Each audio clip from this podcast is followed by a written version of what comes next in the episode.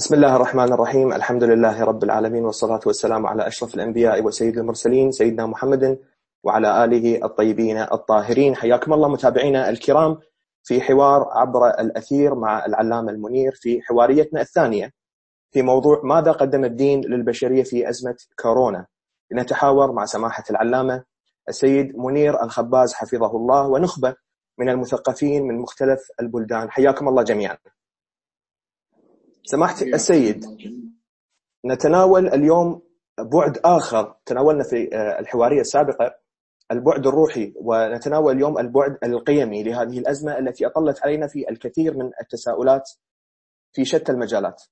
نتساءل أولا سماحة السيد وكمقدمة لأسئلة ومداخلات الأخوة المشاركين لطرح تساؤلاتهم حول هذا البعد ما هي القيم التي يطرحها الدين ويطالب بتجسيدها في هذه الكوارث؟ بسم الله الرحمن الرحيم. والصلاة والسلام على أشرف الأنبياء والمرسلين محمد وآله الطيبين الطاهرين. وتقبل الله أعمالنا وأعمالكم جميعا وجعلنا من المستفيدين من بركات هذا الشهر في عبادته ونيل رضاه. الدين دعا لإقامة حضارة. وقال تعالى هو أنشأكم من الأرض واستعمركم فيها أي أنكم مطالبون بإعمار الأرض. وقال الذي جعل لكم الأرض ذلولا فامشوا في مناكبها وكلوا من رزقه. لكنه لم يدعو إلى حضارة قائمة على أساس مادي تكنولوجي فقط. وإنما دعا إلى حضارة مادية قائمة على أساس قيمي على أساس مجموعة من القيم تحفظ استقرار الحياة الاجتماعية وانتظام الحياة البشرية على الأرض. قال تبارك وتعالى يا أيها الذين آمنوا استجيبوا لله وللرسول إذا دعاكم لما يحييكم أي أن القيم الدينية هي قيم حياة قيم تنظم الحياة قيم تحفظ الحياة. إذا دعاكم لما يحييكم فما هي هذه القيم التي اعتبرها الدين أساسا للحضارة المادية؟ والتي هي بنظره تحفظ استقرار الحياة على الأرض. مضافا طبعا لقيمة العدالة. قيمة العدالة الكل يسلم بها. ولا يجرمنكم شنآن قوم على ألا تعدلوا اعدلوا هو أقرب للتقوى. إن الله يأمركم بالعدل والإحسان. نحن نتعرض لأربع قيم أخرى تتجلى وتظهر بصورة واضحة في مثل هذه الأزمة أزمة كورونا وفي أي كارثة تمر على المجتمع البشري الدين يتصدى لعلاج سلبيات الكارثة بقيم أربع يطرحها ويؤكد عليها. القيمة الأولى تربية الإنسان على تقويم نفسه ومعرفة حجمها. وهذا ما نعبر عنه بفلسفة الابتلاء. لماذا الله يبتلينا؟ الله تبارك وتعالى يقول هل أتى على الإنسان حين من الدهر لم يكن شيئا مذكورا؟ إنا خلقنا الإنسان من نطفة أمشاج نبتليه فجعلناه سميعا بصيرا. هناك ابتلاء لكل إنسان. هذه الحياة كلها ابتلاءات كلها ظروف قاسية كلها محن تمر على البشرية. ما هي فلسفة الابتلاء؟ الله تبارك وتعالى كما يقسم علماء الكلام له صفتان جمال وجلال. الجمال هي الصفة التي يتصل بها بخلقه. الرحمة الرزق الخلق الحياة. كل هذه مظاهر لصفة الجمال لأنها صفات يظهر بها تعالى ويتجلى بها تعالى لخلقه. وهناك صفة أخرى هي صفة الجلال وهي الصفة التي يتميز بها على خلقه. لا يشاركه فيها أحد. هو القوي القهار الجبار ذو الكبرياء المتعال هذه الصفات تسمى صفات الجلال لأنه بها يتميز على جميع المخلوقات. لماذا هذه الصفات؟ صفة الجلال لما؟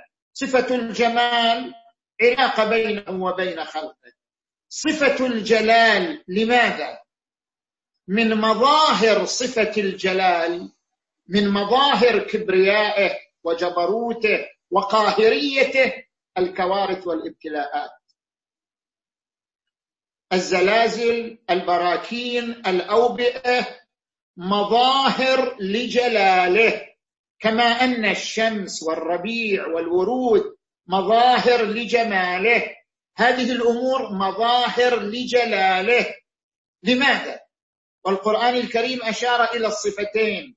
قال كل من عليها فان ويبقى وجه ربك ذو الجلال والإكرام. الجلال إشارة إلى صفة الجلال الإكرام إشارة إلى صفة الجمال. من هنا تأتي فلسفة الكوارث. فلسفة الكوارث لتحسيس الإنسان قيمته الواقعية. الإنسان يطغى عليه الغرور خصوصا إذا أحس بالنعمه خصوصا إذا امتلك قوة خصوصا إذا امتلك سلطانا. تطغى عليه النعمة. يا أيها الإنسان ما غرك بربك الكريم الذي خلقك فسواك فعدلك؟ في أي صورة ما شاء ركبك؟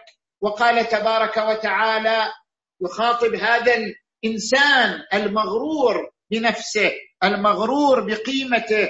كلا ان الانسان ليطغى ان راه يعني رأى نفسه ان راه استغنى.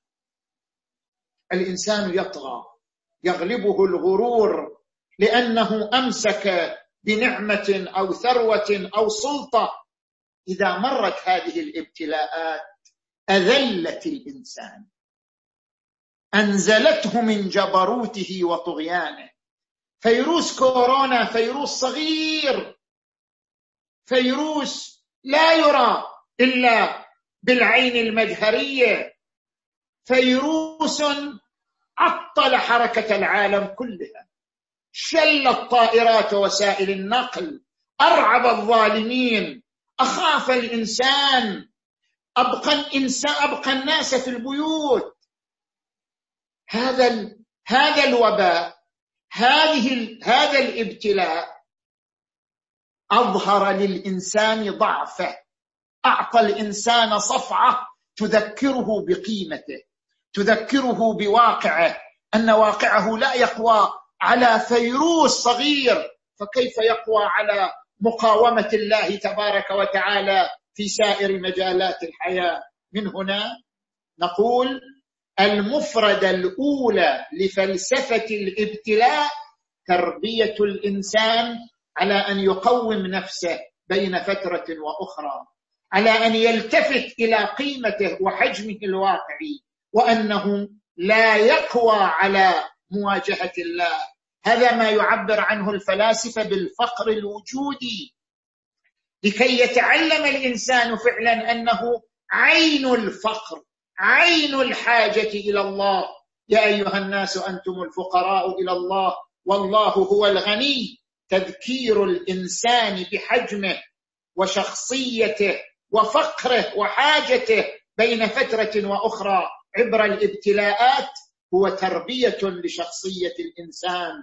قال أمير المؤمنين علي عليه السلام ما لابن آدم والفخر وإنما أوله نطفة وآخره جيفه أوله نطفة قذرة وآخره جيفة مذره وهو ما بينهما يحمل العذرة. هذه قيمة الإنسان التي يجب أن يتذكرها عندما تمر به هذه الابتلاءات والكوارث. نعم سماحة السيد. في نفس القيمة سماحة السيد وهي قيمة الابتلاء وهي تربية الإنسان على تقويم نفسه كيف يمكن أن نرى هذه الكوارث سماحة السيد؟ يعني هذه الكوارث والحوادث والأزمات يعني هل هي عقاب أم هي رحمة؟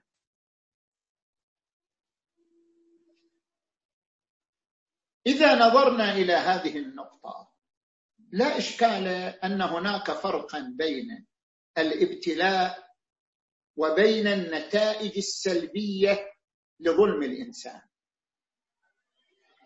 الإنسان هناك سنن كونية كما يذكر علماء الاجتماع. دور كايم يركز وهو من رواد فلسفة علم الاجتماع. دور كايم يركز على هذه النقطة أن هناك سنن كونية تحكم مسيرة الإنسان. من هذه السنن الكونية أن الإنسان إذا جار على الطبيعة جارت عليه الطبيعة.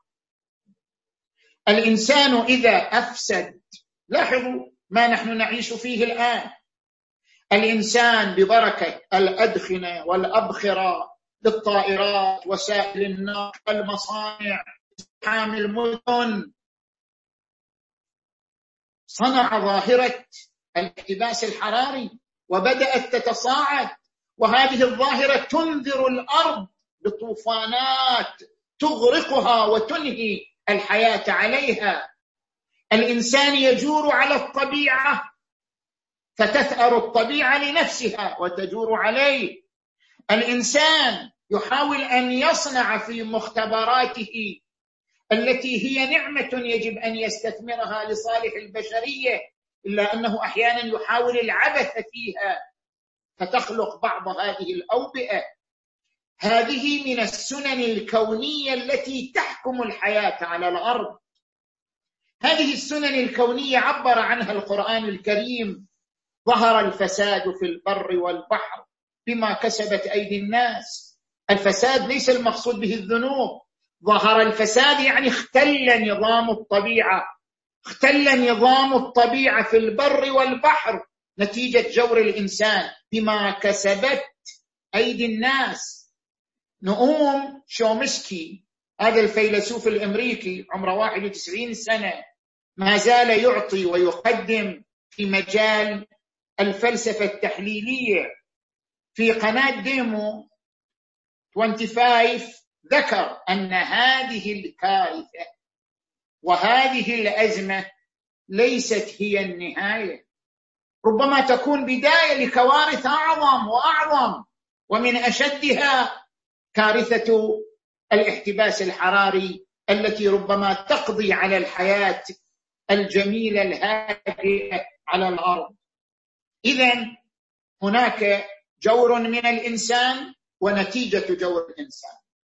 وهناك مفردة أخرى ألا وهي الابتلاء. نحن نقول هذا الوباء إذا لم يكن للإنسان دخل ومساهمة في انتشاره في تربية وتقوية نفوذه فهو ابتلاء وهو رحمة لأنه يذكرنا بضعفنا يذكرنا بقيمتنا يذكرنا بأنفسنا كما قال تبارك وتعالى ولنبلونهم بشيء من الخوف والجوع ونقص من الأموال والأنفس والثمرات وبشر الصابرين. نعم سماحة السيد سؤالي الأخير في هذه القيمة قبل أن ننتقل إلى القيمة الأخرى. كيف يتصف المؤمن بنظر الدين في مثل هذه الظروف بالتوازن ويكون مظهرا لقيم الدين؟ سماحة السيد. أنتوني فلو الذي كان ملحدا إلى أن أصبح كهلا وهو ملحد ثم رجع إلى الإيمان. يتحدث أيضا عن فلسفة الابتلاء. ويذكر أن من إيجابيات فلسفة الابتلاء استفزاز قدرة الإنسان. الابتلاء يستفز قدرة الإنسان. يخرج المخبوء من طاقات الإنسان وقدراته. مثلا القدرة العقلية للإنسان. الإنسان إذا واجه الابتلاء اضطر لصنع اللقاح اضطر لصنع وسائل الوقاية اضطر لإعداد نفسه للمستقبل.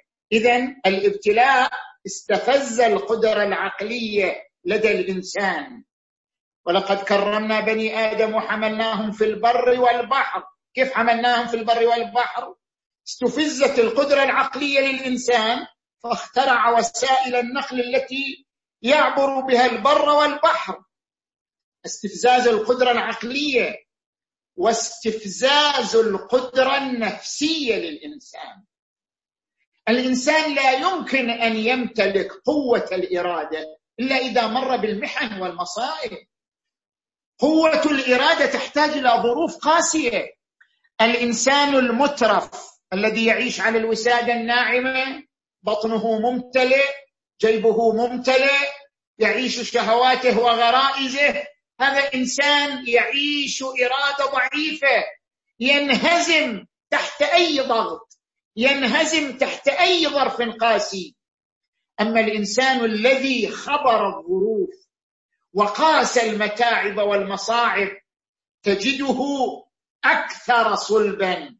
والشجرة البرية كما ورد عن الإمام علي عليه السلام أصلب عودا الإنسان إذا يحتاج إلى هذه الظروف القاسية كي يكتسب قوة الإرادة صلابة الإرادة قوة الصبر والمناعة الروحية. لأجل ذلك المؤمن من يستثمر هذه الظروف في تقوية إرادته وصلابة موقفه المؤمن هو الذي يعيش توازنا بين الإعداد للوسائل المادية لوقاية نفسه من الأوبئة وبين ملء الروح وإعمارها بذكر الله تبارك وتعالى من أجل خلق إرادة صلبة. ولنبلونكم بشيء من الخوف والجوع ونقص من الأموال والأنفس والثمرات وبشر الصابرين الذين إذا أصابتهم مصيبة قالوا إنا لله. مفوضين الأمر الله وإنا إليه راجعون أولئك عليهم صلوات من ربهم ورحمة وأولئك هم المهتدون. نعم سماحة سيد هذا كان فيما يخص آه، القيمة الأولى وهي قيمة فلسفة الابتلاء وتربية الإنسان على تقويم نفسه. ننتقل إلى القيمة الأخرى سماحة السيد. القيمة الثانية أو المفردة الثانية من القيم التي تتجلى لنا من خلال الدين في مثل هذه الظروف القاسية. كرامة الإنسان. الإنسان بما هو إنسان. القرآن الكريم يقول ولقد كرمنا بني آدم. يعني لأنه ابن آدم كرمناه. ولقد كرمنا بني آدم وحملناهم في البر والبحر ورزقناهم من الطيبات وفضلناهم على كثير ممن خلقنا تفضيلا. ويقول القرآن الكريم يا أيها الناس إنا خلقناكم من ذكر وأنثى وجعلناكم شعوب وقبائل. لماذا؟ لتعارفوا. إن أكرمكم عند الله أتقاكم. نحن جعلناكم شعوبا وقبائل لهدف وهو تلاقح الطاقات تلاقح الخبرات تلاقح المعارف. إذا اجتمعت الشعوب تداخلت ثقافاتها تلاقحت طاقاتها وقدراتها وخبراتها وهذا هدف أساس لوجودكم.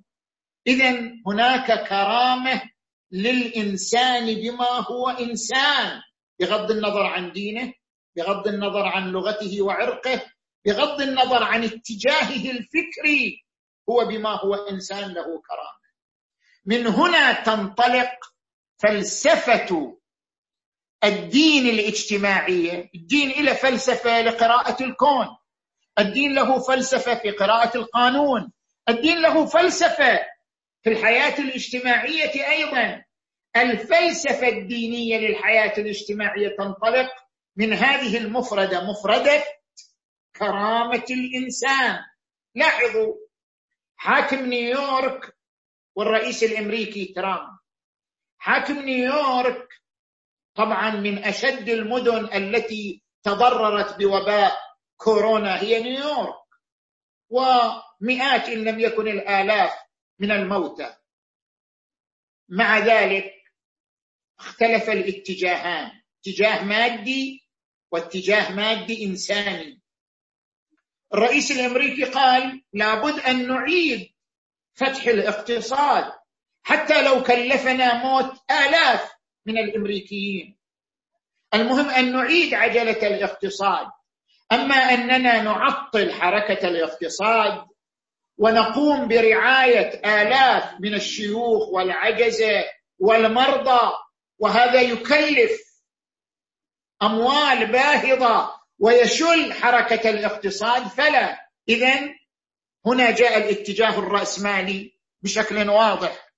فتح عجلة الاقتصاد وازدهاره أهم من قيمة الإنسان حتى لو خسرنا آلاف من الناس.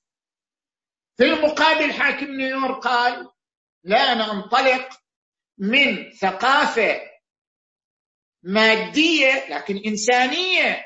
لماذا؟ هذا ما يركز عليه دين الفلسفة الأخرى المادية الممتزجة بالإنسانية. لوجهين الوجه الأول إن الاقتصاد يقوم على وفرة الثروة. لا يمكن أن يقوم اقتصاد بدون ثروة. واجلى مصاديق الثروة الإنسان الإنسان هو بنفسه ثروة. كيف تكون كيف يكون ازدهار الاقتصاد على حساب الإنسان؟ والإنسان هو بنفسه ثروة اقتصادية يفتقر إليها الاقتصاد. هذا اولا. والوجه الثاني هو أننا لابد أن نلاحظ أن الهدف من ازدهار الاقتصاد ما هو؟ أليس هو خدمة الإنسان؟ أليس هو توفير وسائل العيش الكريم للإنسان؟ إذا كان الهدف من ازدهار الاقتصاد خدمة الإنسان اذا كيف يكون ازدهار الاقتصاد على حساب قيمة الإنسان وكرامة الإنسان؟ لذلك حاكم نيويورك يقول كما لا أستغني عن ولدي لا أستغني عن أمي العجوز. كلاهما إنسان وكلاهما له دور في الحياة وكلاهما له كرامة وكلاهما له حرمة. حتى لو كلفنا حفظ العجائز والشيوخ والمرضى مليارات الدولارات إلا أننا بذلك نثبت للعالم احترامنا لقيمة الإنسان ولكرامة الإنسان. وهذا ما ينادي به الدين كلكم لآدم وآدم وآدم من تراب ولقد كرمنا بني آدم وحملناهم في البر والبحر. إذا بما أن الهدف من ازدهار الاقتصاد قيمة الإنسان فكيف نفرط في الهدف لأجل إحياء وإبراز وازدهار الوسيلة؟ نعم سماحة سيد في هذا المحور سماحة سيد وهو ما يخص كرامة الإنسان وهذه المفردة من مفردات القيم نأخذ مداخلات. والمداخلة الأولى من القطيف مع الأخ مهدي. تفضل أخ مهدي. السلام عليكم. عليكم السلام. مهدي العبكري من القطيف السعودية. حياك الله.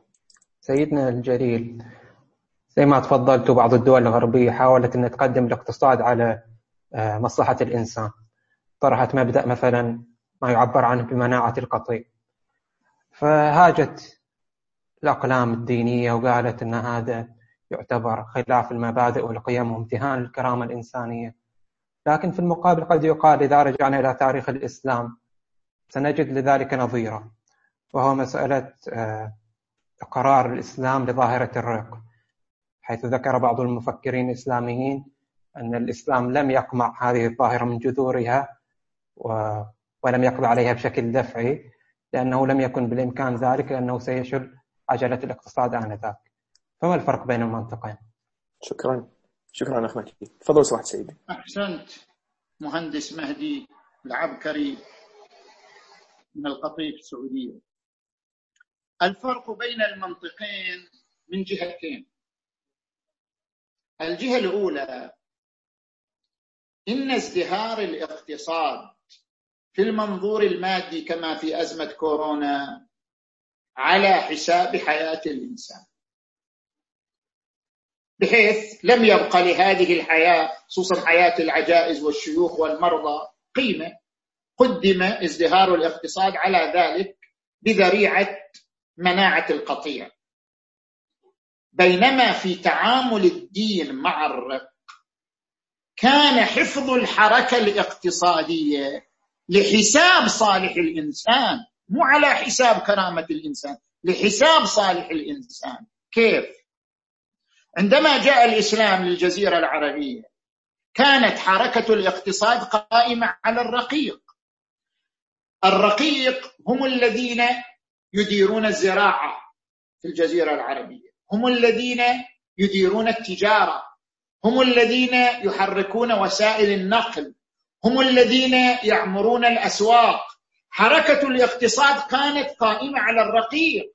وهذه الحركة كما تخدم الأغنياء تخدم الرقيق أنفسهم.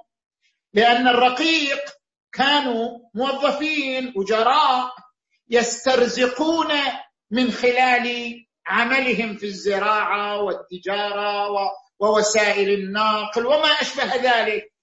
لو أن الإسلام ألغى ظاهرة الرق بشكل دفعي لم يكن هذا الإلغاء لأجل كرامة الرقيق بل على حساب مصلحة الرقيق. لما؟ لأنه سيخلق بطالة فظيعة في المجتمع الإسلامي آنذاك وهي بطالة الرقيق. هذا الغني الثري الذي يملك أموال يمكن يدبر حياته بس هذا الرق الذي خسر وظيفته لأن الإسلام ألغى ظاهرة الرقيق دفعة واحدة فأصبحت جميع الأمور بيد الملاك. حينئذ سيكون إلغاء ظاهرة الرقيق بابا لسد باب المعيشة على الرقيق أنفسهم لأنهم كانوا يسترزقون من خلال هذا العمل. فلو ألغيت الظاهرة دفعة واحدة لكان ذلك على خلاف مصلحة الإنسان على خلاف مصلحة الرقيق أنفسهم حيث كانوا أجراء يسترزقون من خلال هذه الأعمال المتناثرة التي كانت تقوم عليها. حركة الاقتصاد آنذاك. هذا الفرق الأول. الفرق الثاني الإسلام عندما راعى حفظ الحياة الاقتصادية حين مجيئه قام بموازنة بين قيمة اقتصاد مزدهر وقيمة الإنسان ومنهم الرقيق. فوضع بنود ثلاث بنودا ثلاثة لتحقيق هذه الموازنة. البند الأول أنه دعا لإلغاء الرقيق. دعا لإلغاء الرقيق يعني دعا لتحرير العبيد شيئا فشيئا. آية في القرآن تبارك وتعالى إنما الصدقات للفقراء والمساكين والعاملين عليها والمؤلفة قلوبهم وفي الرقاب يعني لتحرير الرقاب. يبذل جزء من الزكاة. الزكاة تؤخذ ممن من الحر من المالك الغني. وقسم منها تحرر به الرقاب جزء من الرقاب. وفي الرقاب والغارمين. وفي سبيل الله وابن السبيل. ووضع الإسلام في كفارة القتل تحرير رقبة في كفارة الإفطار العمدي تحرير رقبة في مخالفة العهد تحرير رقبة وهكذا. وضع سبلا مختلفة لتقليل ظاهرة الرق بشكل تدريجي فهو من جهة حافظ على القيمة الاقتصادية ومن جهة أخرى حافظ على كرامة الإنسان. البند الثاني الإلزام بالرفق ألزم وضع تعاليم صارمة للمعاملة مع الرقيق. الرق إنسان. له احترامه له حرمة دمه حرمة عرضه حرمة ماله. لأجل ذلك نرى الإمام الرضا عليه السلام كما في الرواية وكان إذا وضع مائدته أجلس عليها عبيده. الخدم حق يجلسوا على مائدة واحدة. حتى قال له بعض أصحابه لو عزلت لهؤلاء السود مائدة؟ قال ما. إن الرب واحد والأب واحد والأم واحدة والجزاء بالأعمال. إن أكرمكم عند الله أتقاكم. البند الثالث حصر طريق الرق في باب واحد القتال الشرعي تحت راية المعصوم. إذا كان هناك قتال يتسم بسمتين أنه قتال دفاعي عن حريم الدولة الإسلامية آنذاك وأنه تحت راية القائد المعصوم فأسر بعض المحاربين فحينئذ الأسير إما أن يسلم ويتحرر أو يفدي نفسه يدفع أموال حتى يحرر رقبته أو يصبح رقيقا. الباب الوحيد للرق هو هذا. وبمجرد أن انتهت فترة القتال الدفاعي تحت راية المعصوم وظهرت ظاهرة تسمى بالفتوحات الإسلامية نحن لا نؤمن بهذه الفتوحات الإسلامية. إذا انسد انسد باب الرق فوضع آه، فسد الأبواب إلا من هذا الباب وهذا الباب لعلمه سينتهي بفترة مؤقتة فهو قد ساهم في سد باب الرق بطريقة أخرى أيضا وهذا ما نقصد من وضع الموازنة بين حفظ الحياة الاقتصادية وبين حفظ كرامة الإنسان. نعم شكرا سماحة السيد آه، مداخلة أخرى من سلطنة عمان مع الدكتور جواد تفضل دكتور. السلام عليكم سيدنا حياكم الله. معكم جواد جواد أمين الخابوري من سلطنه عمان. سيدنا في في نفس هذا الإطار آه، في إطار المصلحة آه، آه، أيضا هل نستطيع نقول أنه الإسلام في بعض الحالات وضع قيمة مالية للإنسان؟ مثلا القتل الخطأ له دية. هذه الدية هي قيمة مالية في النهاية. في الحروب مثلا إذا صار قتل خطأ اثناء الحرب يقام له دية. هذا الحروب الدفاعية أو الحروب مهما كانت لها مصالح. ألا نستطيع أن نقول في هذه الحالة أنه يمكن أن نفتح الاقتصاد ويكون وهناك مصلحة عامة وهي الحفاظ على الكثير من الفقراء والناس الذين قد يتضورون جوعا إذا لم يفتح هذا الاقتصاد. وتكون هذه القيمة المادية والتي هي الدية هؤلاء كبار السن أو المرضى هؤلاء عبارة عن أضرار جانبية لعملية فتح الاقتصاد ويعطى مقابلهم دية. مثل مثل أي دواء آخر قد يأخذه الإنسان وله آثار جانبية. فلماذا لا نأخذ بهذا هذه الحالة؟ شكرا دكتور. شكرا. تفضل سماحة السيد. شكرا دكتور جاد من سلطنة عمان على هذه المداخلة الجميلة. هذا هذا الطرح مناقش بالنقض والحل أما النقد فبناء على هذا الطرح خلاص جميع المعاقين ما نحتاج لأزمة كورونا بعد ممكن أن تتخذ أي دولة بالنسبة إلى كل المعاقين الذين لا ينتجون. ما عندهم أي إنتاج معاقين. ورعاية هؤلاء المعاقين آه، خلقيا وعقليا رعايتهم رعايتهم تكلف الدولة مليارات من الأموال. إذا بناء على هذا المنطق تقوم الدولة بإعطاء إبر قاتلة لجميع المعاقين وتدفع لعوائلهم دية. وهذه الدية تعبر عن القيمة المالية. ما يخسر هذا الإنسان المعاق اللي ما عنده أي إنتاج؟ رايح يربح من وراء مليون مثلا. إذا بهذه الطريقة سيكون دفع الدية للقضاء على المعاقين اولا أسهل وأنفع ببقاء اقتصاد مزدهر للدولة. فهل تقر ذلك منظمات حقوق الإنسان؟ طبعا لا هذا النقد. أما الحل الحل نحن لماذا ننادي بحفظ حياة الإنسان؟ حتى لو كان عجوز. حتى لو كان شيخا لا ينتج لنا شيئا. لكننا ننادي كدين كدين يطرح فلسفة للحياة قائمة على كرامة الإنسان. ننادي بحفظ حياة هذا العجوز وهذا الشيخ الكبير. لماذا؟ لأجل الحياة؟ لا لأجل كرامة الإنسان. فنحن نحافظ على حياته انطلاقا من مبدأ كرامة الإنسان. المساله مو مسألة قيمة مالية. حتى نقول والله وجوده يكيل في الدولة فأفضل شيء يعطى دية لأهله وينتهي من الحياة. المسألة مسألة كرامة. مقتضى مبدأ كرامة الإنسان أن يحافظ على حياته وتعطى له الكرامة وهو حي. بمعنى أن الدولة حينما تعتني بهذا المواطن العجوز وتوفر له وسائل الراحة وتهتم بمشاعره وتهتم بأحاسيسه فهي قد أمنت له جهة الكرامة.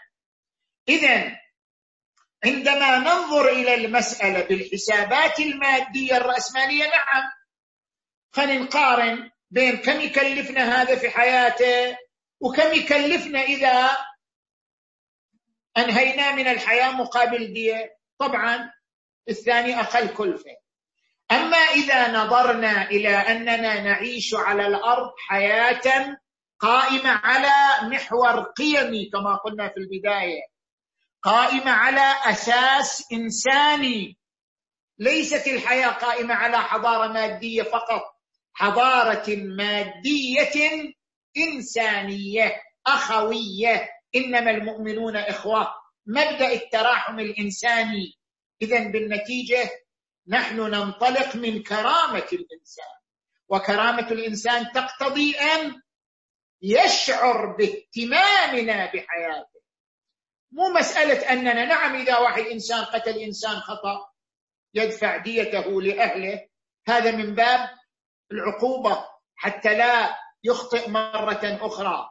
لا ان للإنسان قيمة مالية. كرامة الإنسان ليس لها قيمة مالية. كرامة الإنسان لا تقدر بثمن. إنما نعطي الدية في فرض القتل الخطئي كنظام رادع لئلا يتكرر من الإنسان التساهل والخطأ. وإلا فالإنسان ليس له قيمة. كرامة الإنسان ليس لها قيمة. اذا مقتضى مبدأ ومفردة كرامة الإنسان التي نادت بها جميع منظمات حقوق الإنسان اهتمامنا بمشاعره مو فقط حفظ حياته. وحفظ نحفظ حياته ونطعمه كما نطعم الكلاب. يفيد لا. الاهتمام بمشاعره وأحاسيسه مضافا لحفظ حياته. ولذلك الدين يمنع حتى الغمز واللمز. ولا تلمزوا أنفسكم ولا تنابزوا بالألقاب.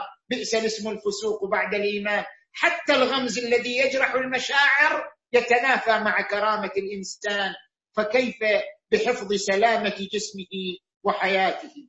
نعم. نعم سماحة السيد مداخلة أخرى من هولندا مع الدكتور وائل. تفضل دكتور. السلام عليكم سماحة السيد والأخوة. خبر الله أعمالكم إن شاء الله في هذا الشهر الشريف معكم وائل خطيب من هولندا. حياك الله دكتور. سيدنا إذا ننظر إلى ما تفضلتم به من زاوية أخرى آه، من بعض الإشكاليات التي تداولت آه، حقيقة في بلدان الغرب خاصة آه، في حالة أزمة كورونا هي مسألة كرامة الإنسان في حالة المرض ومدى تحمل الإنسان الحالة المرضية الميؤوس منها طبيا وحقه أو حق أقربائه بعدم استمرار العلاج أو عدم استمرار الممارسات التي مثلا تؤدي إلى استمرار الحياة دون أن يكون له أمل بالشفاء. آه، فإذا كان المريض مثلا في حالة غيبوبة آه، ولا يمكن له أن يستمر على قيد الحياة إلا من خلال أجهزة أجهزة تنفس وغيرها وهو غير واعي أو أنه واعي ولكنه غير قادر على أن يقوم بالحاجات اليومية دون مساعدة من شخص آخر.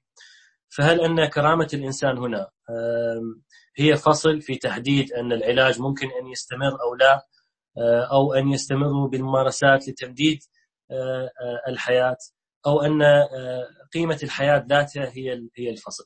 شكرا لكم. شكرا دكتور. تفضل سماحه سيد احسنتم على هذه المداخلة الدكتور وائل خطيب من هولندا. نحن نقول بأن الدين من زاوية قانونية أيضا عالج مثل هذه الأزمة. المرجعية أفتت أن من يخرج من بيته ويحتمل احتمال عقلائي أن يكون خروجه معرضا لإصابة الآخرين بهذا الفيروس يحرم عليه الخروج إلا مع وسائل الوقاية.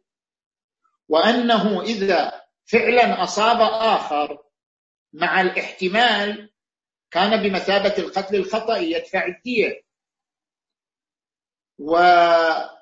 ومما يرتبط بالزاوية القانونية الفقهية للدين والذي يبتني على مبدأ كرامة الإنسان هنا صور ثلاث. الصورة الأولى أن عندنا إنسان يعيش على الأجهزة يعني هو جسمه ما في حياة. جسمه ليس فيه قابلية الحياة. هو يكتسب الحياة من الأجهزة.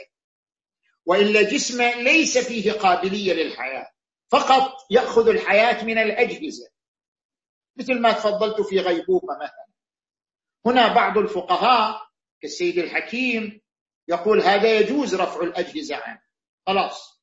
ويجوز لأهله أن يرخ أن يعني يعطوا إجازة للمستشفى في رفع الأجهزة عنه لماذا؟ لأنه ميت بمعنى ليس في جسمه خلايا نشطة. لديها طاقة الحياة. هو يكتسب الحياة من الأجهزة فرفع الأجهزة عنه لا يعد قتلا. طبعا هذا فيه خلاف فقهي ولكن هذا رأي فقيه كبير أن هذا لا يعد قتلا ولا إشكال فيه.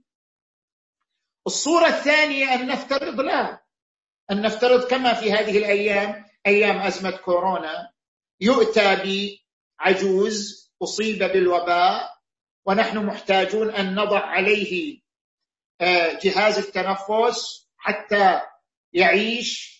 نحن ندري أن هذا العجوز لو عاش لن يعيش إلا شهور أو لن يعيش إلا سنة أو سنتين. فلو كانت عندنا أجهزة محدودة أجهزة محدودة ولدينا مجموعة من المرضى العجائز والشيوخ وقد وضعت الأجهزة عليهم ثم جيء لنا بشاب يحتاج إلى هذه الأجهزة. لو أن لو أسعفنا الشاب سيعيش سنين. ولو بل أبقينا الجهاز على هذا الرجل العجوز لن يعيش إلا شهور أو سنة. ما هو المرجح؟ يبقى الجهاز. بالنتيجة هذا صاحب كرامة.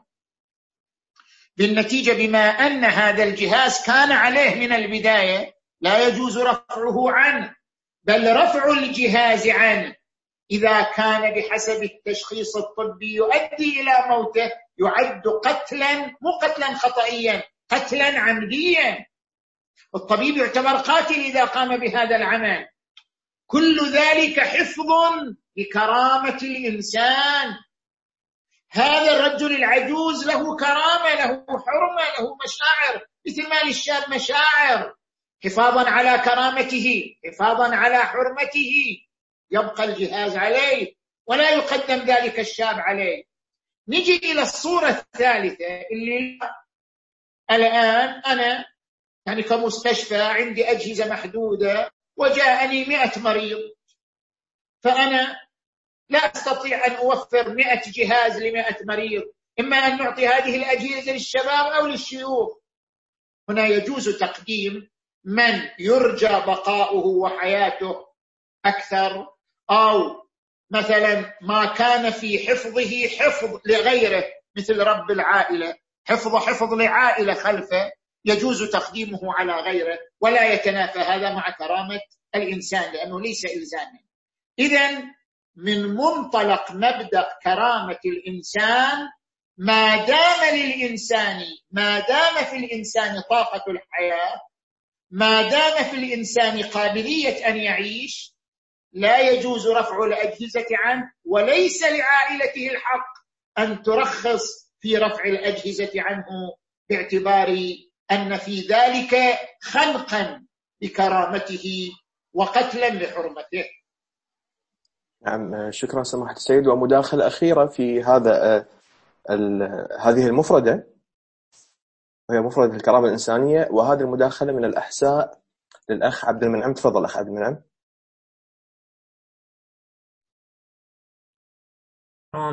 قبل الله الأعمال إن شاء الله. عبد المنعم الحليمي من الأحساء.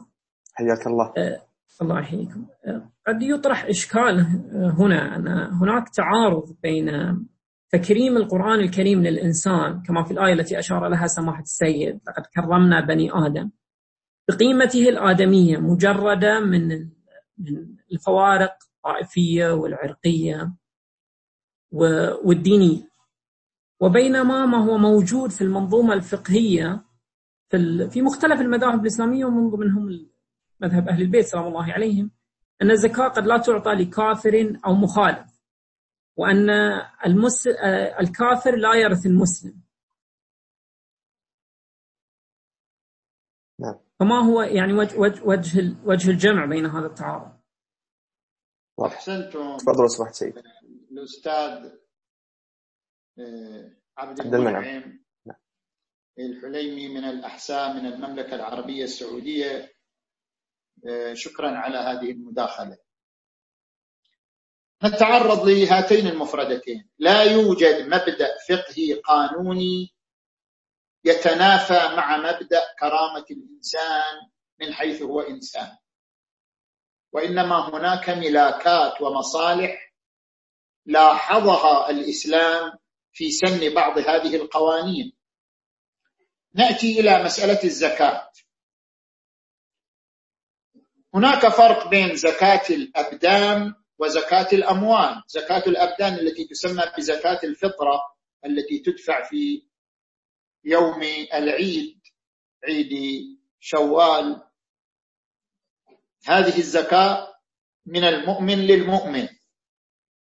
أما زكاة الأموال التي طرحها القرآن الكريم انطلاقا من خدمة الإنسان وحرمة الإنسان. إنما الصدقات عبر عنها للفقراء والمساكين والعاملين عليها والمؤلف قلوبهم وفي الرقاب والغارمين وفي سبيل الله وابن السبيل. من بعض مصارف الزكاة التي هي ضريبة طبعا لابد أن نذكر هنا نقطة مهمة. الزكاة ضريبة مالية بعضهم يقول لماذا وضع الإسلام جزية على أهل الكتاب الذين يعيشون في ظل الدولة الإسلامية؟ الجزية هي نفس ضريبة الزكاة مو شيء آخر بل الجزية أقل. المسلمون يؤخذ منهم ضريبة مالية تصرف في شؤون المجتمع الإسلامي تسمى بالزكاة. وغير المسلمين أيضا يؤخذ منهم ضريبة ما يؤخذ منهم زكاة يؤخذ منهم ضريبة في عرض الزكاة وأقل من الزكاة يسمى الجزية. الجزية هي ضريبة مالية مثل ضريبة الزكاة لا أكثر. فالضريبة لا يستثنى منها لا مسلم ولا غير مسلم الجميع يدفع ضريبة لصالح المجتمع الإسلامي المهم. الزكاة لها مصارف. من مصارفها سبيل الله وابن السبيل؟ وهذا لا يفرق فيه بين المسلم والكافر.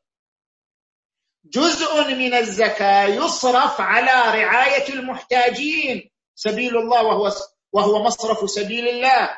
مصرف ابن السبيل يصرف على الفقراء والمحتاجين سواء كانوا مسلمين أو غير مسلمين. ما دام يعيش في المجتمع الإسلامي يصرف له سهم من الزكاة. الإمام أمير المؤمنين علي عليه السلام رأى نصرانيا يتسول.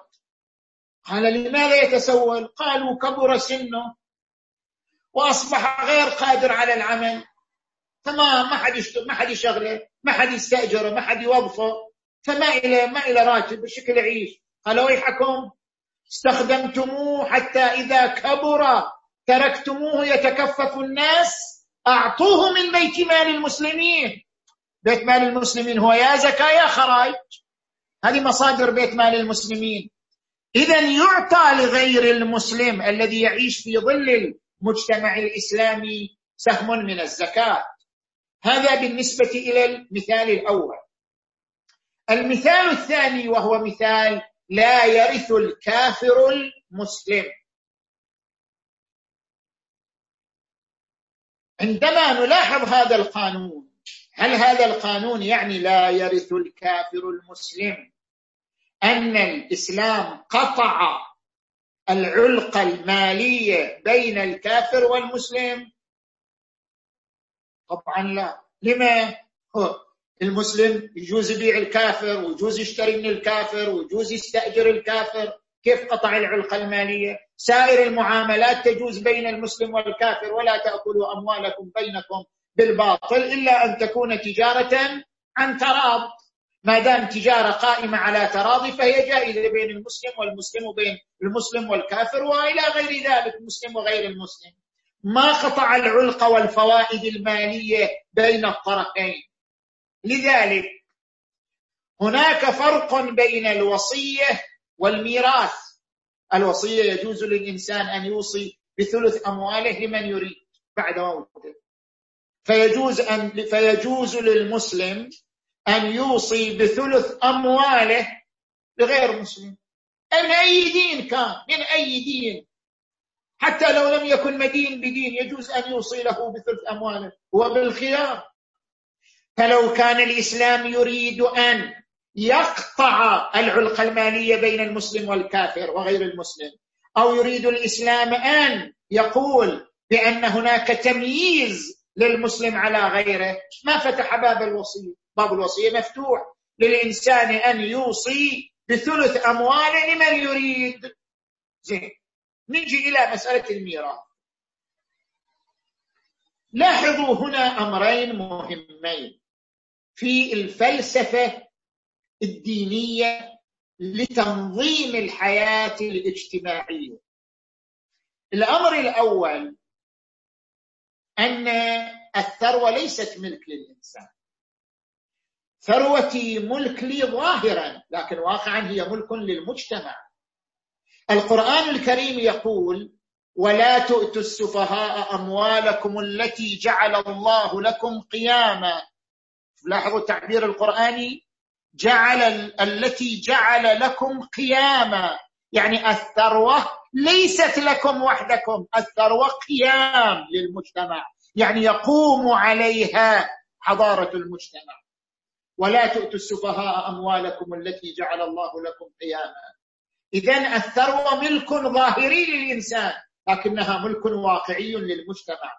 فلا بد بنظر الإسلام أن تكون أن يكون مصب الثروة المصلحة العامة للمجتمع. لذلك ورد عن الرسول صلى الله عليه وآله لا تخطو قدم عبد يوم القيامة حتى يسأل عن أربع عن عمره فيما افناه وعن شبابه فيما ابلاه وعن ماله من أين اكتسبه وفيما انفقه اذا الثروة يجب أن تنطلق من روافد شرعية وتصرف في المصلحة العامة للمجتمع الإسلامي. هذا أمر. الأمر الثاني. بما أن الثروة لأجل المصلحة العامة لذلك منع الإسلام تسليم الثروة تسليما قانونيا مو تسليما اختياريا. إحنا قلنا باختياري أن أعطي غير المسلم ثروتي. اختياري ما منعني الإسلام من ذلك. إنما الانتقال القهري الفقهاء يقولون فرق بين الناقل الاختياري والناقل القهري. كيف أنا أنقل ثروتي للآخر؟ تارة أنقلها باختياري. من خلال بيع من خلال هبة من خلال وصية. كيفي؟ تارة لا ناقل غير اختياري. مو أنا اللي أنقل. الدين هو اللي ينقل الإرث. الإرث ناقل غير اختياري. حتى لو أنا أكره وأبغض وأصرخ مليون مرة لا يرث أبنائي ثروتي. ما يفيد. ثروتي تنتقل لابنائي هذا ناقل قهري. في الناقل القهري الذي هو بيد الدين وليس بيد الإنسان في الناقل القهري راعى الإسلام المصلحة العامة فوضع قانون احترازي. قال لا تنتقل الثروة من المسلم إلى الكافر. لما؟ لأن هناك خطوط حمراء منعها الإسلام حفاظا على المصلحة العامة للمجتمع منها الربا منها شراء المواد السامة كالمخدرات كالمسكرات منها منع الاحتكار. فالإسلام وضع قوانين وخطوط حمراء في التعامل مع الثروة من أجل الحفاظ على المصلحة العامة للمجتمع الإسلامي.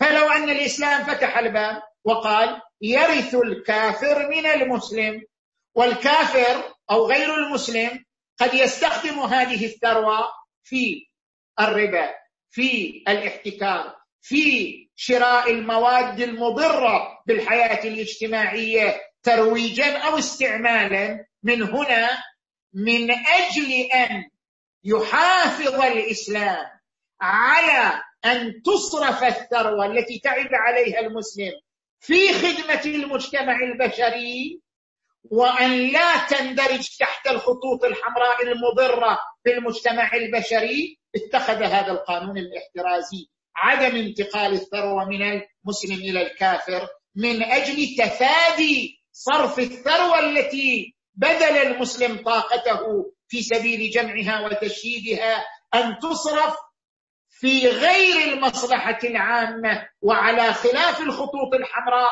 التي وضعها الإسلام حفظا للمصلحة الاقتصادية العامة للمجتمع البشري. قال تبارك وتعالى يمحق الله الربا ويربي الصدقات. وقال أحل الله وأحل الله البيع وحرم الربا. نعم سماحه السيد آه، ننتقل إلى المفردة الثالثة سماحه السيد من مفردات القيم بعد مفردتي فلسفة الابتلاء والكرامة الإنسانية. فما هي المفردة الثالثة؟ سماحه السيد المفردة الثالثة من مفردات القيم التي طرحها الدين ألا وهي مفردة الإيثار والتضحية. يقول القرآن الكريم ويؤثرون على أنفسهم ولو كان بهم خصاصة عندنا مبدأ حث عليه الدين حثا شديدا وهو من القيم التي تتجلى في مثل هذه الأزمات. ألا وهي قيمة الإحسان. إن الله يأمر بالعدل والإحسان.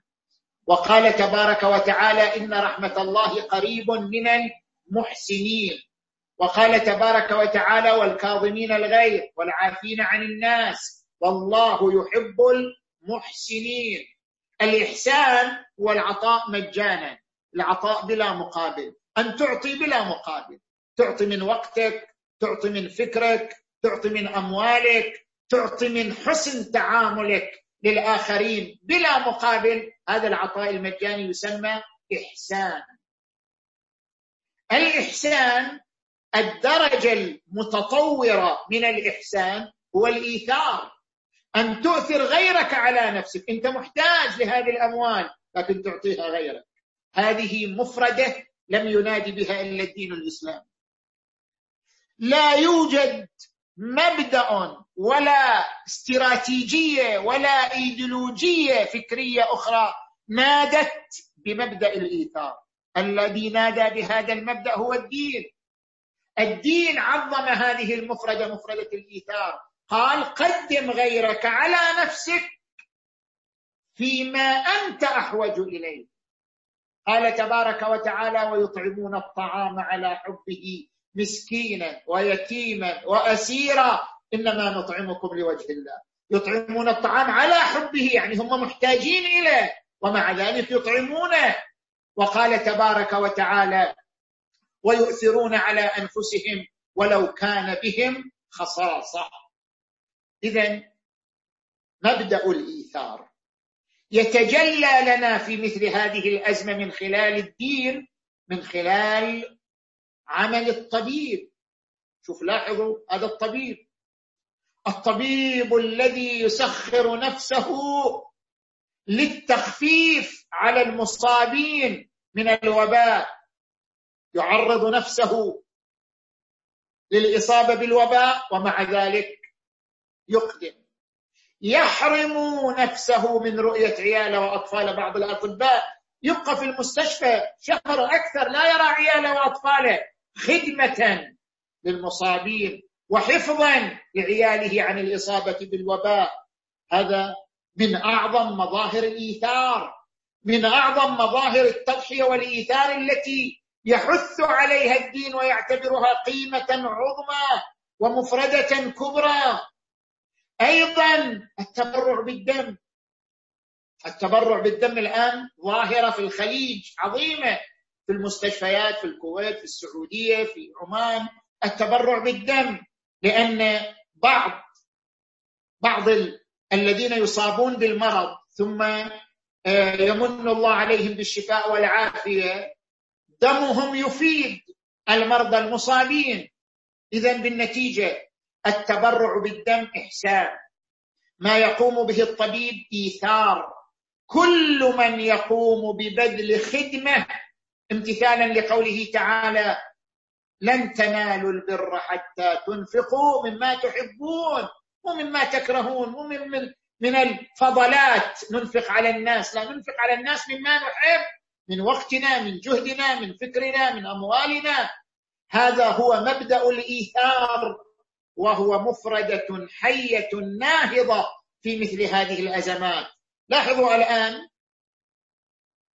كل المجتمعات تتمتع بأطباء بذلوا وممرضين وممرضات وعاملين في المستشفيات جسدوا مبدأ الإيثار بأروع صوره وأروع مثله.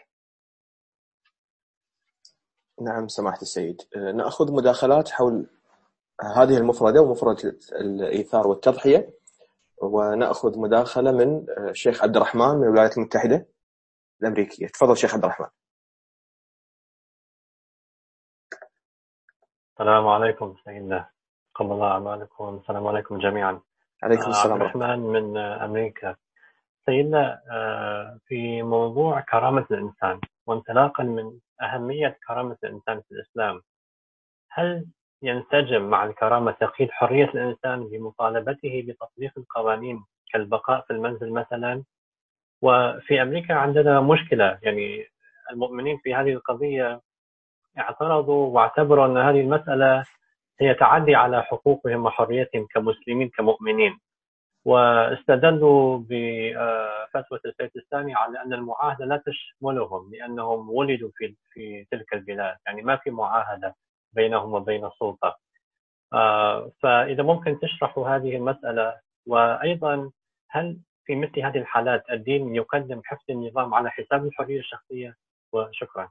شكرا شيخنا، تفضلوا سماحه السيد. شكرا على هذه المداخلة من الأخ عزيز الشيخ عبد الرحمن من الولايات المتحدة من ديترويت من ديربون آه، في جواب هذه المداخلة نذكر عدة وجوه. الوجه الأول المرض الوباء أصاب ثلاثة مليون على الأقل من البشر وقتل مئتين وعشرة آلاف إلى ما قبل أسبوعين. وأصبح من الضروري البقاء في المنازل. مما أوجب حدوث اضطرابات نفسية وحالات شائعة من الاكتئاب بل وحصول مشاكل اجتماعية في بعض الأسر خصوصا الأسر التي عندها أفراد يعيشون أمراض مزمنة يحتاجون إلى مراجعة المستشفيات. ولذلك كثير من الشركات وفرت لموظفيها دورة في علاج نفسي أو آه، تحفيز نفسي أو إعداد نفسي ليخفف عليه من أعباء التوتر النفسي الذي أصابه نتيجة البقاء في المنزل. الدين هنا وضع بصمته أن من يبقى في المنزل لن يعيش في وحشة. ولن يعيش في حالة اكتئاب إذا كان متعلقا بالله بالقرآن بالدعاء بقراءة قصص الأنبياء بقراءة تاريخ الأئمة بتعليم أبنائه المثل العليا من الدين والتاريخ بالتواصل مع أبناء مجتمعه عبر وسائل التواصل ببث الحكمة ادع إلى سبيل ربك بالحكمة والموعظة الحسنة وجادلهم بالتي هي أحسن. اذا إذا عاش الإنسان أجواء الإيمان في بيته سوف يتخلص من حالة الاكتئاب والتوتر النفسي. الوجه الثاني الإيثار. نحن الآن تعرضنا إلى مفردة الإيثار وهذا من الإيثار. أنتم تعرفون أنه في بعض الولايات المتحدة في بعض الولايات خرج مجموعة من الشباب برقصة سموها رقصة كورونا يعني غير مبالين غير مبالين بما يحدث. يقول لك إحنا شباب نريد نمارس حريتنا بالرقص والغناء. لا يهمنا ان مات العجائز والشيوخ هم سيموتون على كل حال والبقاء لنا. هذا يتنافى مع الروح الإنسانية النبيلة. هذا غلو في الأنانية. هذا غلو في الغرور بالنفس. هذا تطرف في احتكار الحياة والصحة للإنسان نفسه. لذلك الدين يقول ها هنا يتبين الإيثار. ها هنا يظهر تظهر التضحية. لماذا؟ لأنني أنا عندما أقيد حريتي ألبس الكمام عند الخروج ألبس القفاز عند الخروج. هذا تقييد للحرية إلا أن هذا التقييد للحرية إيثار. بمعنى تضحية بمعنى أنني أحفظ حياة الآخرين من أن أنقل إليهم حتى لو لم أكن مصاب قد أحمل إليهم الفيروس. هذا التضييق لحريتي هو نوع من الإيثار والتضحية في سبيل حفظ حياة الآخرين. عندما أبقى في المنزل أحبس نفسي أحبس أطفالي. هذا لون من ألوان الإيثار والتضحية في سبيل حفظ حياة الآخرين. نأتي إلى الوجه الثالث. المسألة لا ترتبط بالمعاهدة. صحيح السيد السيستاني دام ظله يقول من دخل أي بلد لابد يدخل بوثيقة رسمية فيزا ختم جواز هذه الوثيقة الرسمية تعتبر معاهدة بين البلد وبين الوافد إليها. أن لا نعتدي عليك ولا تعتدي علينا. نراعي حرمتك وتراعي أنظمتنا وقوانيننا. فلا يجوز لإنسان أن يدخل بلد أن يفرط ويخالف قوانينها لأنه التزم بذلك عبر المعاهدة الضمنية التي حصلت عندما أخذ الفيزا أو عندما وصل إلى حدود هذه البلد. بالنسبة للمولودين في البلد نفسه مسلمون ولدوا في أمريكا مثلا أو في أي دولة أوروبية هؤلاء يقولون نحن ليس بيننا وبين السلطات معاهدة حتى نحترم قوانينها. لا لابد لما؟ اولا لأن هناك معاهدة ضمنية في كل وثيقة رسمية. لا يمكن أن يعيش الإنسان في في أي بلد بدون وثيقة رسمية. يحتاج إلى بطاقة شخصية يحتاج إلى مثلا رخصة قيادة السيارة يحتاج إلى آه، مثلا آه، ملف تأمين. بالنتيجة يحتاج إلى وثيقة رسمية. ما يقدر يعيش بدون وثائق رسمية. أخذ الوثيقة الرسمية هو في نفسه معاهدة بينه وبين السلطة على أننا نحترم كرامتك وتحترم قوانيننا وإن لم يكن بيننا وبينك معاهدة سابقة إلا أن إعطاء الوثيقة الرسمية هو بنفسه متضمن لمعاهدة ارتكازية بين السلطة وبين هذا الإنسان المواطن فلا يجوز له مخالفة القوانين. بل حتى لو فرضنا أن هذا غير موجود الفقهاء يطرحون مفرده مفرده حفظ النظام. يجب حفظ النظام في كل مجتمع. ما معنى حفظ النظام؟ تطبيق القوانين التي تحفظ الأعراض والأموال والأنفس. كل قانون تشرعه البلدية الشرطة وزارة الصحة وزارة التربية والتعليم كل قانون يخرج من هذه الوزارات وأمثالها هو يخرج لأجل إما حفظ نفس حفظ مال حفظ عرض. فإذا انطلاقا من ضرورة حفظ النظام التي يأمر بها العقل والنقل والشرع يجب تطبيق هذه القوانين مضافا إلى أن في تطبيقها حفظا للنسيج الاجتماعي وجمعا للكلمة ومظهرا من مظاهر التعاون وتعاونوا على البر والتقوى. ولا تعاونوا على الإثم والعدوان. نعم سماحة السيد شكرا. ونأخذ مداخلة أخرى في هذه المفردة مفردة الإيثار آه، المداخلة من الكويت. أستاذ علي الفضلي تفضل. نعم فضلك أخوي أحمد. السلام عليكم أيها الأحبة وتقبل الله أعمالكم. عليكم السلام ورحمة الله علي الفضلي من الكويت. سيدنا الكريم أظهرت لنا أزمة كورونا حالة من العنصرية المؤسفة. في مجتمعاتنا تجاه الآخر بحيث وجدنا وخصوصا في بداياتها تحميلا غير مبرر لسبب تفشي هذا الوباء على عاتق فئات معينة. رغم أنه كما نعلم كان مصدر هذا المرض من الصين. متناسين أن المصاب بهذا المرض هو إنسان مبتلى بحاجة إلى العناية وليس إلى الكراهية.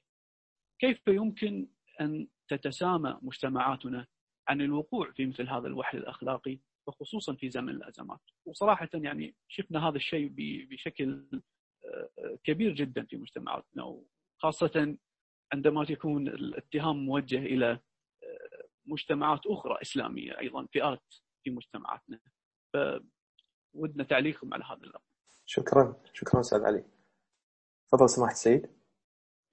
شكرا على مداخلة الأستاذ علي الفضلي من دولة الكويت؟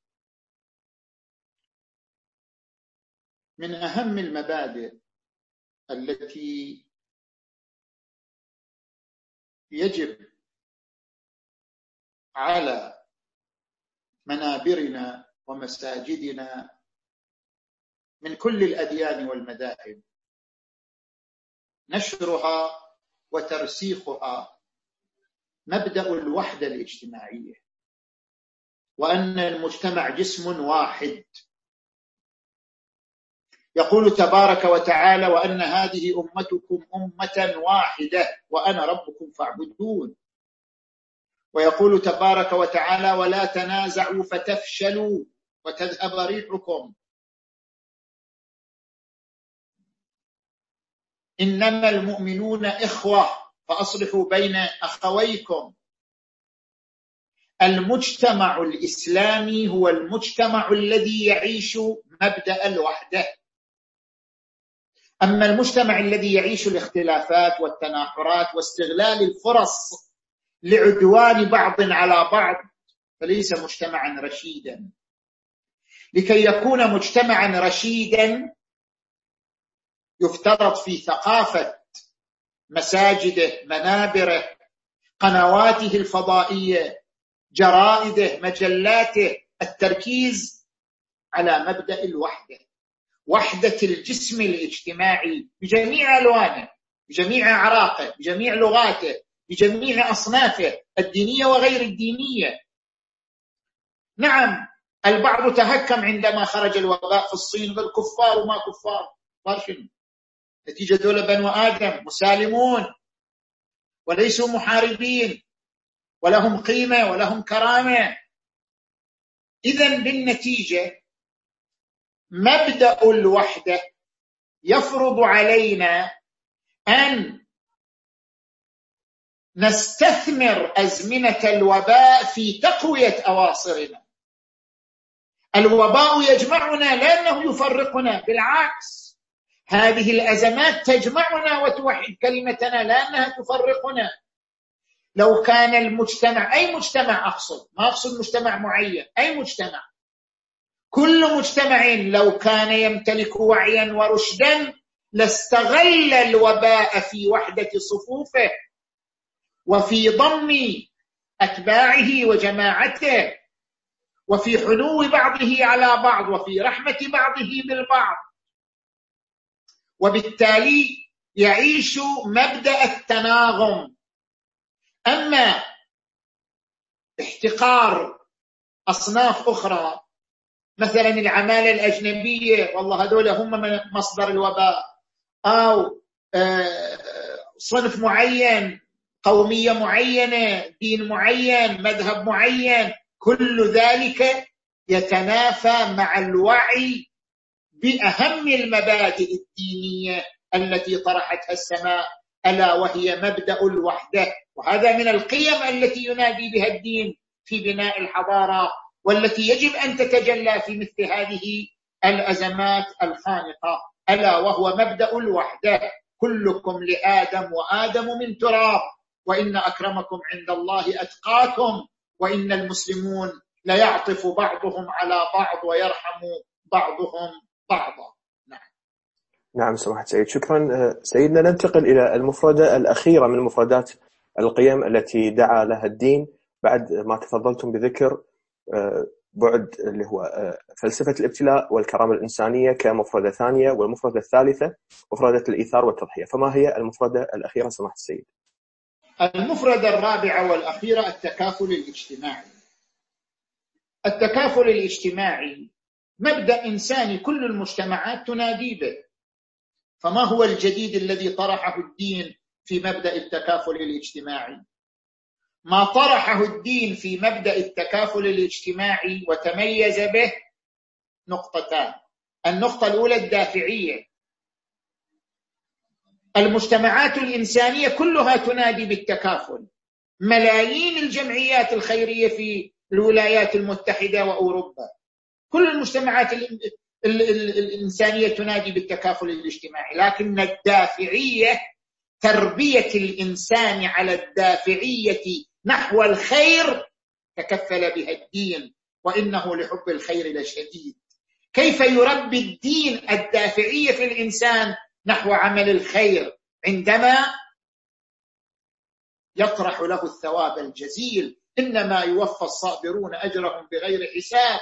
مثل الذين ينفقون أموالهم في سبيل الله كمثل مثلا سنبلة أنبتت سبع سنابل كمثل حبة أنبتت سبع سنابل في كل سنبلة مئة حبة والله يضاعف لمن يشاء. لن تنالوا البر حتى تنفقوا مما مما تحبون. وجاهدوا في سبيل الله بأموالكم وأنفسكم. هذا الوعد وهذا التشجيع وهذا التحفيز وهذا الثواب الجزيل لم يحفل به دين اخر ومبدأ آخر.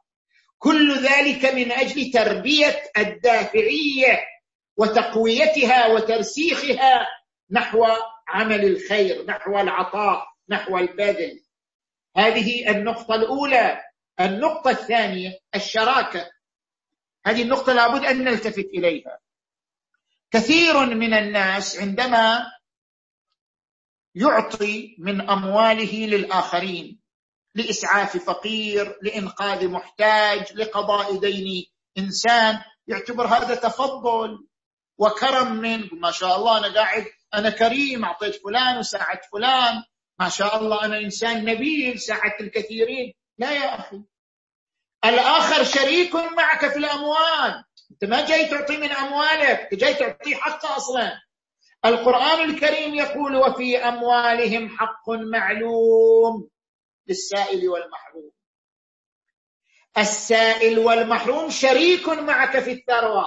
أنت عندما تساعده تدفع له حقه الذي هو شريك فيه. أنت مو متفضل مو متكرم. هذا حقه أنت تسديه إليه. اذا مبدأ الشراكة يجب أن نلتفت إليه. ما موجود في الديانات الأخرى. ما موجود في في ال الإيديولوجيات الأخرى موجود في الدين الإسلامي. الفقير شريك مع الغني في ثروته كما ورد عن أمير المؤمنين علي عليه السلام إن الله أشرك الفقراء في أموال الأغنياء. شركه هو شريك معه. أنت تؤدي حق شريكك. أصلا هذا هو له الفضل عليك لأنه أنقذك من حرمة هذه الأموال التي هي له. فاذا العطاء بنظر الإسلام واجب إلزامي وليس تفضل ولا إكرام بل هو إعطاء الشريك نصيبه وحقه في هذه الثروة التي بين يديك. اذا مبدأ التكافل في الدين يتميز بنقطتين لا توجد في أيديولوجيات أخرى إطلاقا. نعم سماحة سيد نأخذ مداخلتين ونبدأهم بمداخلة الشيخ موسى من سلطنة عمان. تفضل سماحة الشيخ. سيدنا الجليل بداية طيب الله أنفاسكم. آه، السؤال هو الآتي سيدنا. آه، في قضية التكافل وما يرتبط بهذا الموضوع كثير من متمولي المسلمين وأثريائهم في بدايات الأزمة تعرضوا للائمة. أنه ما لكم دور بارز في العطاء والتبرع والمساهمة. ثم لاحقا تبين أن القسم لا بأس به من هؤلاء. في الحقيقة كانوا يقومون بأعمال من هذا القبيل لكن على نحو الكتمان يعني من باب ثواب صدقة السر مثلا أو تحاشيا عن الرياء وأشباه ذلك. ففي مثل هذه الأزمات العامة أو حتى أوسع من ذلك سيدنا هل الأرجح أنه الإنسان يظهر هذه الصدقة ويعلن بهذا الأمر أمام الملأ أو لا يبقيه في إطار السرية؟ موسى الفقير شكرا شيخنا شيخنا الشيخ موسى. نعتذر صرت أنت في الأخير في التوش إحنا نقول. الأخ شيخ موسى من سلطنة عمان مشكور على هذه المداخلة. آه، أولا الإسلام لم يأمر بالسر. لاحظوا الآيات القرآنية كل عبادي الذين آمنوا يقيموا الصلاة وينفقوا أموالهم سرا وعلانية. ويقول القرآن الكريم والذين يتلون كتاب الله وأقاموا الصلاة وأنفقوا أموالهم سرا وعلانية. الإنسان أنفق سر أو أنفق علانية هو إنفاق يثاب عليه وله الأجر الجزيل. وثانيا عندما يأمر الإسلام بصدقة السر كما ورد في الحديث صدقة السر تطفي غضب الرب من أجل تقوية الإخلاص. فإن صدقة السر تعالج نقطتين من جهة توفر للفقير حاجته تغطي للفقير حاجته ومن جهة تطهر النفس بالصدق والإخلاص لله تبارك وتعالى. وكان الإمام زين العابدين يحمل جراب الطعام على ظهره ويدور به على فقراء المدينة ليلا. ولكن إذا كان الإنسان صادقا مخلصا لله وأبرز صدقته في سبيل تشجيع الناس هنا يكون الإعلان أفضل من الإسراف هنا يكتسب الإعلان عنوانا ثانويا يجعله أفضل من صدقة السر. بعض المراجع في النجف الأشرف قدس سره كان يختار أيام آه، ليالي القدر ويخرج أمام الناس ويعطي أموال حيث تجتمع الناس. ليش؟ قال حتى أشجع الناس على العطاء في هذه الأيام أيام الصدقة أيام المثوبة.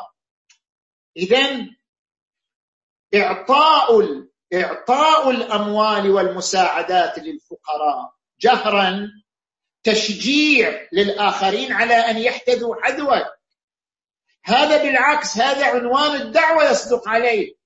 قال تبارك وتعالى ولتكن منكم أمة يدعون إلى الخير. كيف ندعو إلى الخير؟ إما قولا أو عملا. عندما أجهر بعطائي وأموالي من أجل تشجيع الآخرين على أن يعطوا وينفقوا يعتبر ذلك دعوة إلى الخير. يدعون إلى الخير ويأمرون بالمعروف وينهون عن المنكر وتشجيعا على التسابق. قال تبارك وتعالى واستبقوا الخيرات وفي ذلك فليتنافس المتنافسون. نعم سماحة السيد المداخلة الأخيرة مداخلة الدكتور وائل من هولندا. تفضل دكتور وائل. سمحت السيد تعبناكم ويانا. أنا سعيد الحظ أن يكون لي مداخلتين بالحقيقة. شكرا جزيلا لكم. في حالة كما ذكرتم التكافل الاجتماعي والمساعدات والإيثار أه، نحن خصوصا في دول الغرب أه، أكو تساؤل أه، حول التفرقة بين المسلم وغير المسلم وهل يفرق المسلم بين أصحاب دينه والآخرين في الإيثار خاصة في بلدان الغرب وما هي النظرة لغير المسلم في هكذا أزمات ونهضه التكافل الاجتماعي؟ شكرا دكتور. شكرا لكم سيد احسنت دكتور إحنا سعداء بك لأن أنت معنا في في المفتاح وفي مسك الختام. آه، في مثل هذه الأزمات لا فرق بين المسلم وغيره. العطاء للجميع والإنفاق للجميع. بل إن المسلمين في الغرب هم أولى بأن يتمظهروا بهذا المظهر. حتى يجسدوا سماحة الإسلام ونبل الإسلام وعظمة قيم الإسلام.